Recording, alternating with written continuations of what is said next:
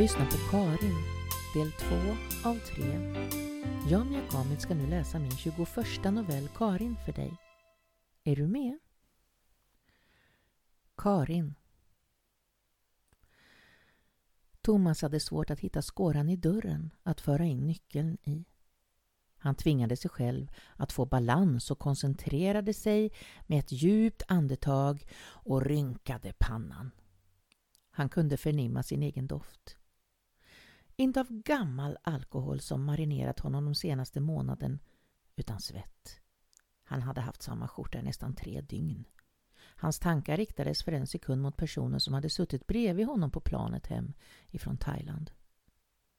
Hade det varit en kvinna? Ingen värd att se åt i så fall. Han mindes inte. Stackars, vem det nu än var. Han var bortom trött och om några timmar skulle han åter sitta vid sin skärm i det öppna kontorslandskapet på firman. Han lät väskan stå kvar i hallen, klev ur skorna och dråsade ner i soffan i vardagsrummet. Det var för långt till sängen på övervåningen. Trappan skulle vara en utmaning och han var inte berusad nog för att tackla minnena. Alla på firman tittade tyst åt hans håll när han kvart i åtta steg in i lokalen, nyduschad och nyrakad. Han hade kammat sitt alldeles för långa hår bakåt och det fick honom att känna sig sliskig. Men eh, allas medkännande blickar kändes någorlunda accepterande, även om ingen sa något. Jo, Jennifer. Hon kom fram till honom med en kopp rykande kaffe efter en stund. Hon hade lett vänligt med huvudet lite på sne och sagt att han skulle säga till om han behövde något. Fotografiet på Karin stirrade på honom till vänster om skärmen och han tog det varsamt och lade med bilden neråt i understa skrivbordslådan. Jennifer hade tittat på handlingen med upphöjda förvånade ögonbryn men han hade bara skakat på huvudet och höjt sin kaffemugg till ett tyst tack. Thomas letade upp en frisör på hemvägen, en som hade drop-in-tider och han hade bara behövt vänta i tolv minuter. Det var dyrt att klippa sig i Sverige. Karin brukade köra av hans hår med rakapparaten hemma i köket på några minuter. Han mindes hennes fingrar i sitt hår och hur hon blivit nöjd med resultatet. Han hade bra hår. Han borde ha klippt sig i Thailand innan han åkte hem. Men det hade han inte haft en tanke på då. Han slank in på mataffären också. Han kunde inte fortsätta att äta alla mål ute. Det blev alldeles för dyrt. Kaffe, bröd och lite pålägg fick bli en start. Och det var fyra färdigrätter på kampanj för hundra kronor. När han radade upp sina varor på kassabandet kände han sig patetisk.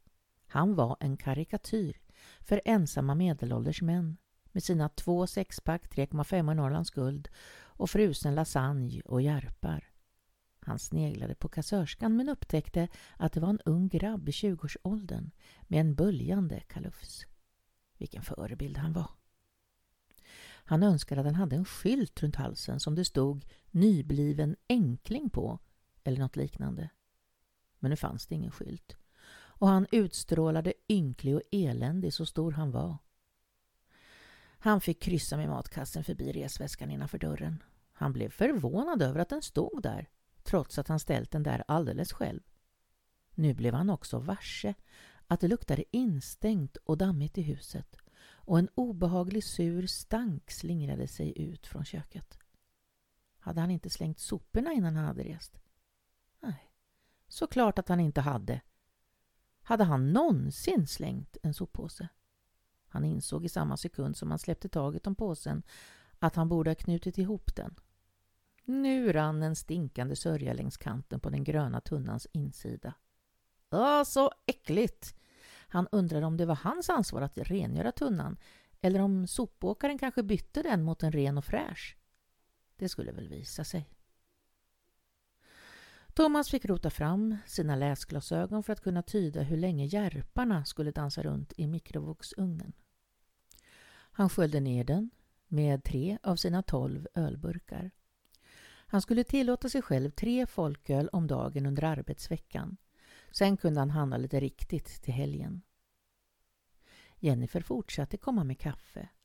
Det hade hon inte gjort innan resan. Roger hade bjudit med honom till kvarterskrogen där de flesta åt sin lunch.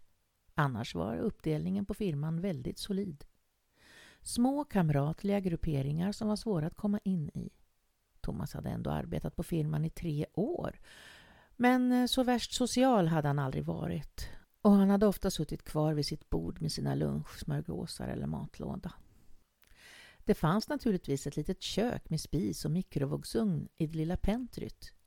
Men det var inte särskilt trivsamt. Om man inte ville sällskapa med Barbro och Laila då, två snacksaliga damer som visade varandra roliga kattklipp på sina mobiltelefoner och utbytte kakrecept.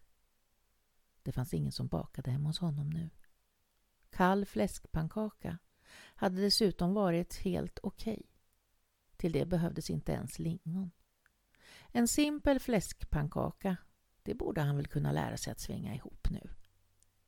Hemma i köket stod smör, bröd och leverpastej kvar på bordet bredvid kaffemuggen.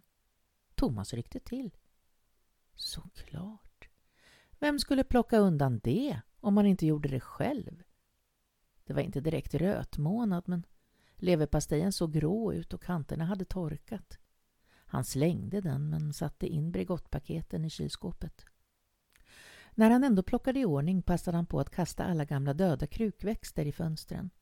Han slängde dem i ytterkruka och allt. Han skulle inte köpa nya och tomma krukor i fönstret var inte särskilt uppmuntrande. Han la till och med filten till rätta i soffan. Han tittade bort mot den svängda trätrappan till övervåningen. Han skulle kunna hämta ner ett riktigt täcke och en riktig kudde men han var inte redo att gå upp dit än. Alla dörrar var stängda. Städningen gav honom lite energi och han var inte hungrig så han gick ut i hallen för att ta på sig skorna och gå ut en sväng. Han lutade ena handen mot resväskan som nu blivit inflyttad mot väggen. Luften var sval och frisk. Trots att klockan närmade sig halv sju var det fortfarande ljust. Ljud från Åviksskolan gjorde att han sneddade över gatan och fortsatte åt det hållet. Han ville så gärna se lite liv och rörelse innan kvällsmaten. Eller om han bara nöjde sig med öl ikväll. Han var inte hungrig. Några ungdomar satt mitt emot varandra på varsin gunga och sparkade ifrån via varandras fötter. Det var två mörkhåriga flickor. De kom säkert borta från höghusområdet. Han insåg att det var en fördomsfull tanke. Varför skulle inte de här nysvenska barnen kunna bo i någon av de närliggande småhusen? De var lite tunnklädda. Han kände själv hur det drog svalt längs ryggen och att han borde ha tagit sin jacka.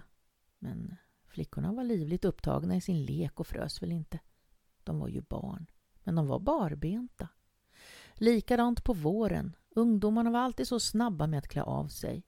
Som om de hade en annan termostat än alla över 35. Men de här flickorna kunde inte vara mer än 11, 12, 13 på sin höjd. Det var alltid svårt att avgöra. Det var den där åldern i alla fall när de ville se äldre ut än vad de egentligen var. Lite senare, runt 25, då var det tvärtom. Då ville de plötsligt se yngre ut än vad de egentligen var. Han och Karin hade varit jämngamla. De hade firat sina 50-årsdagar tillsammans i september. Han hade fyllt sent i augusti och hon tidigt i oktober. Karin skulle snart fylla år. Han skulle köpa blommor. Thomas lutade sig mot en björkstam och kände i sina bakfickor och sedan fram. Ah, han hade inte fått med sig sina cigaretter. De låg kvar i jackfickan. Han stod ändå kvar med handen i fickan och tittade mot de lekande flickorna.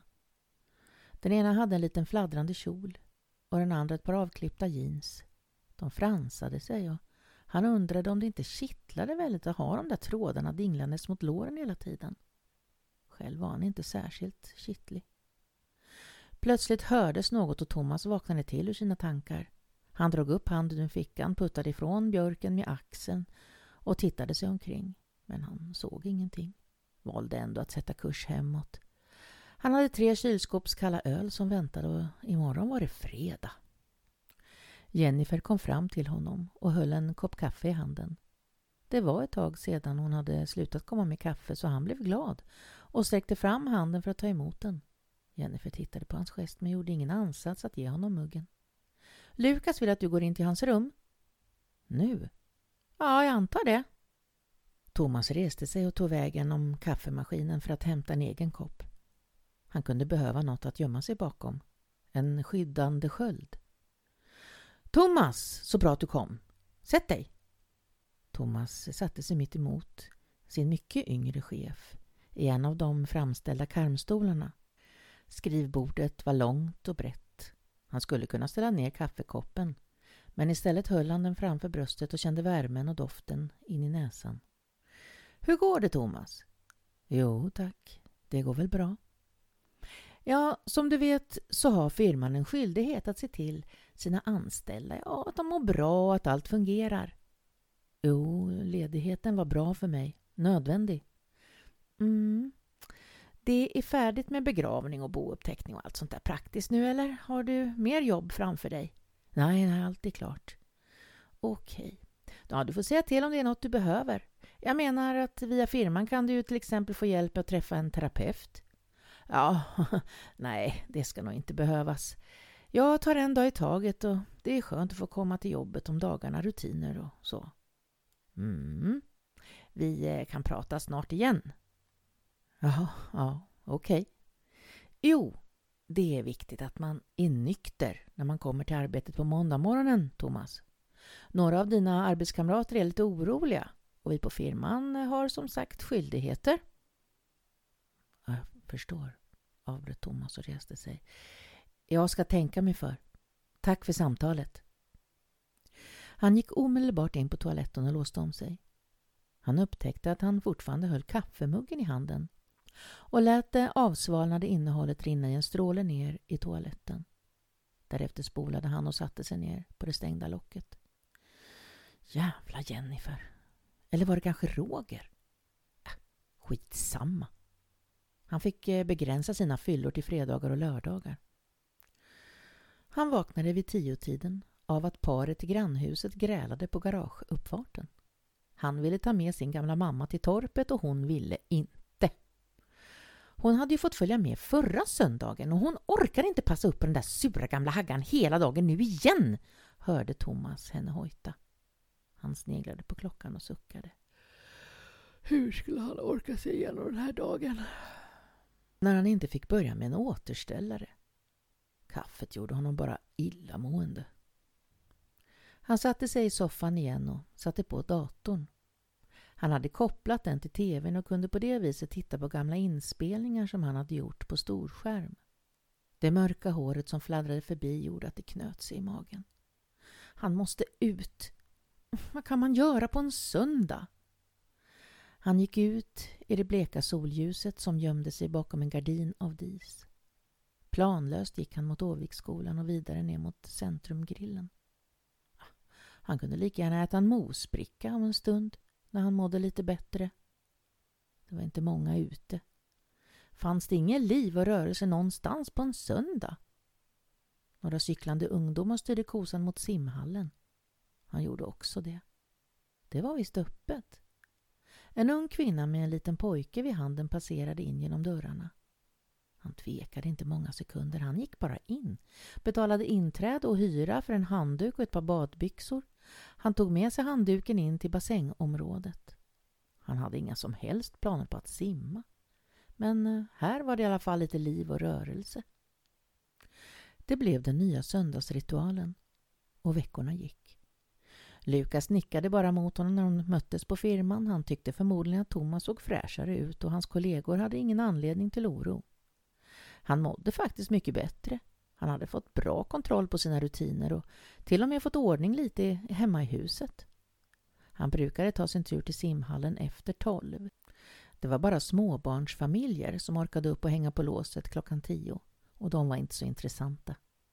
Stressade mest runt och försökte hålla sina små avkommor vid liv i och utanför bassängen. Det såg arbetsamt ut. Thomas avundades dem inte. Vid tolvtiden, då kom ungdomarna.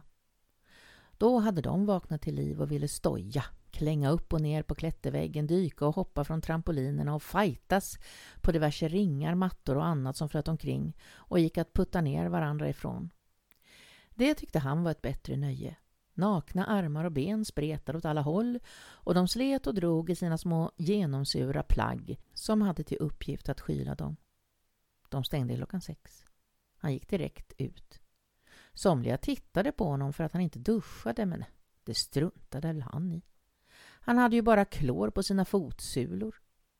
Den här söndagen var det två flickor som gick framför honom på vägen hem. Deras mörka hår fladdrade i vinden och det knöt sig i magen.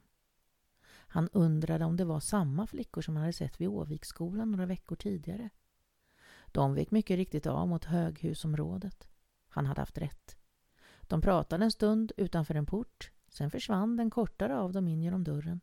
Men den andra fortsatte bort längs cykelvägen. Ja, så en av dem bodde i villakvarter i alla fall. 50 procents rätt var ju inte heller dåligt. Han ökade takten en smula. Det var ruggigt och kallt. Det var tre öl som väntade hemma. Men de kunde vänta en liten stund till. Det tredje trappsteget uppifrån knarrade som han mindes det. Fanns ingen anledning att balansera tårna på den lilla smalaste kilen för att undvika ljudet nu. Det fanns ju ingen som kunde höra. Inte mer än han själv. Minnet från tidigare år var ändå mycket starkare än ljudet i sig. Alla dörrar var inte stängda på övervåningen. En stod faktiskt på glänt. Han hade glömt. Han hade inte gått upp igen för att återställa. Han tog itu med det. Annars sov han fortfarande nere på soffan. Han låg bra där framför tvn. Kudde och täcke hade han ju hämtat ner. Det var kyligare på nätterna nu. Han hade inte värmen på lika högt som Karin hade velat haft det. Han klarade sig på en 16-17 grader och det höll ju elpriset nere. Ett tjockt täcke gjorde susen tillsammans med öl och sprit. Det var bra att han hade hämtat täcket. Men han hade inte bytt lakan än. Han mötte Lukas i entrén till firman. God morgon Thomas! Du ser pigg ut. Riktigt pigg och fräsch faktiskt. Det är roligt att du mår bättre. Oh, tack. En dag i taget, som sagt. Och lite nya rutiner. Rutiner är A och O, Thomas. Fortsätt på den vägen. Hej! Hej. På torsdagen tog han en tur ut på landet med bilen. Han hade ett speciellt ställe som han brukade besöka. Det var precis längst ut där viken gick ut i havet. Gässen gick höga och blåsten slet i hans kläder. Precis som han ville ha det. Och som han mindes när han var där första gången. Ingenting kunde förstås någonsin bli som den gången. Han hade försökt att återskapa känslan men den hade dött med henne. Han förnam det mörkt fladdrande håret och det knöt sig i magen. Han stod kvar en stund till. Det doftade hav och han drog in havsluften och fyllde lungorna till bredden. Snart fyllde hon år. Han skulle köpa blommor. Fast nu hade han tre öl som väntade. Det var bra med rutiner. Poliskommissarie Torbjörn Larsson stod på stenstranden och blickade ut i vattnet där ett antal människor iklädda skyddsoveraller vadade omkring. En av dem var hans assistent Johanna Dag.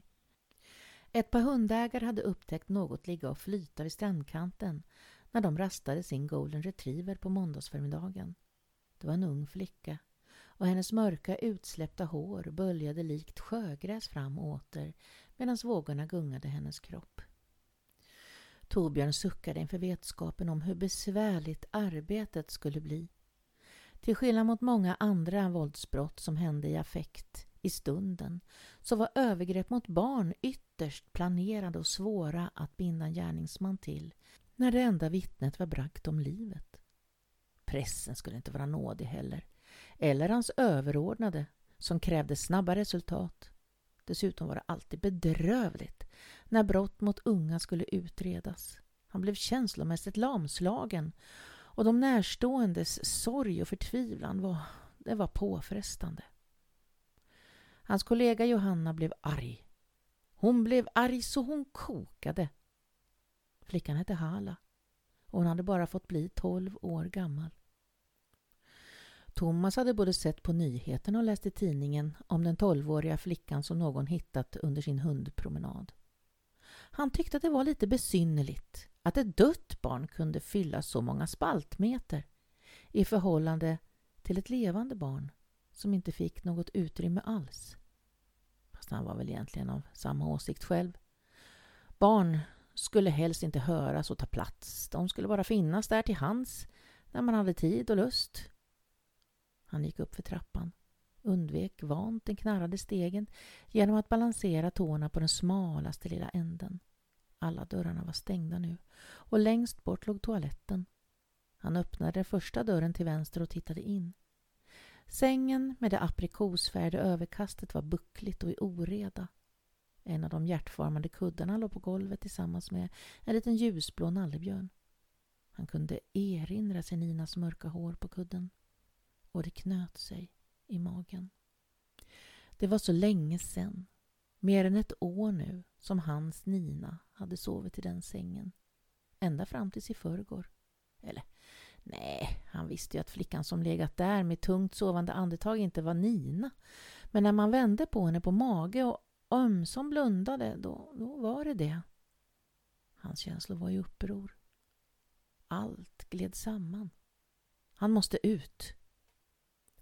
Han hade köpt rosor, blandade färger.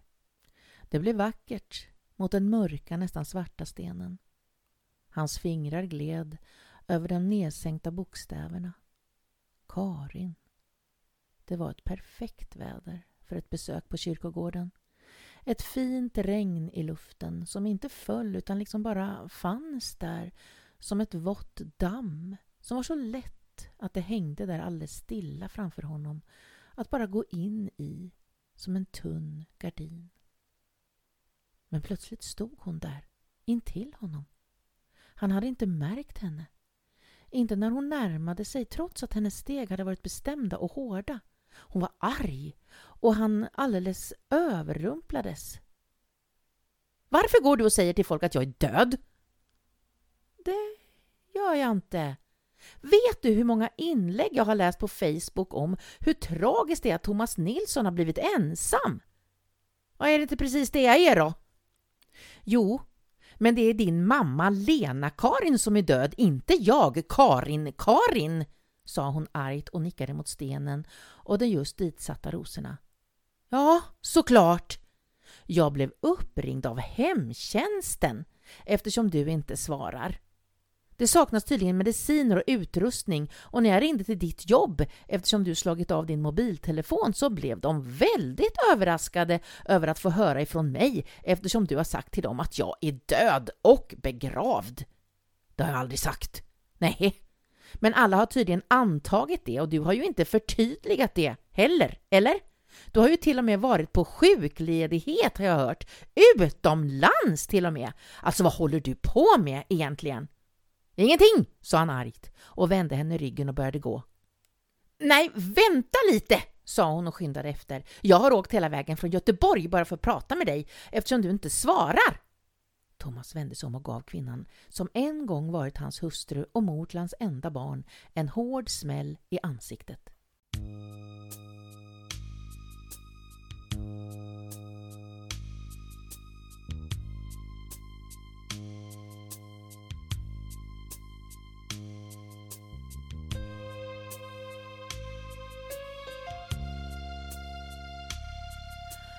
Tack för att du har lyssnat så här långt. I nästa avsnitt läser jag den avslutande upplösningen om Karin för dig. Ta hand om dig nu så hörs vi snart igen. Hälsningar från mig, Mia Kamitz.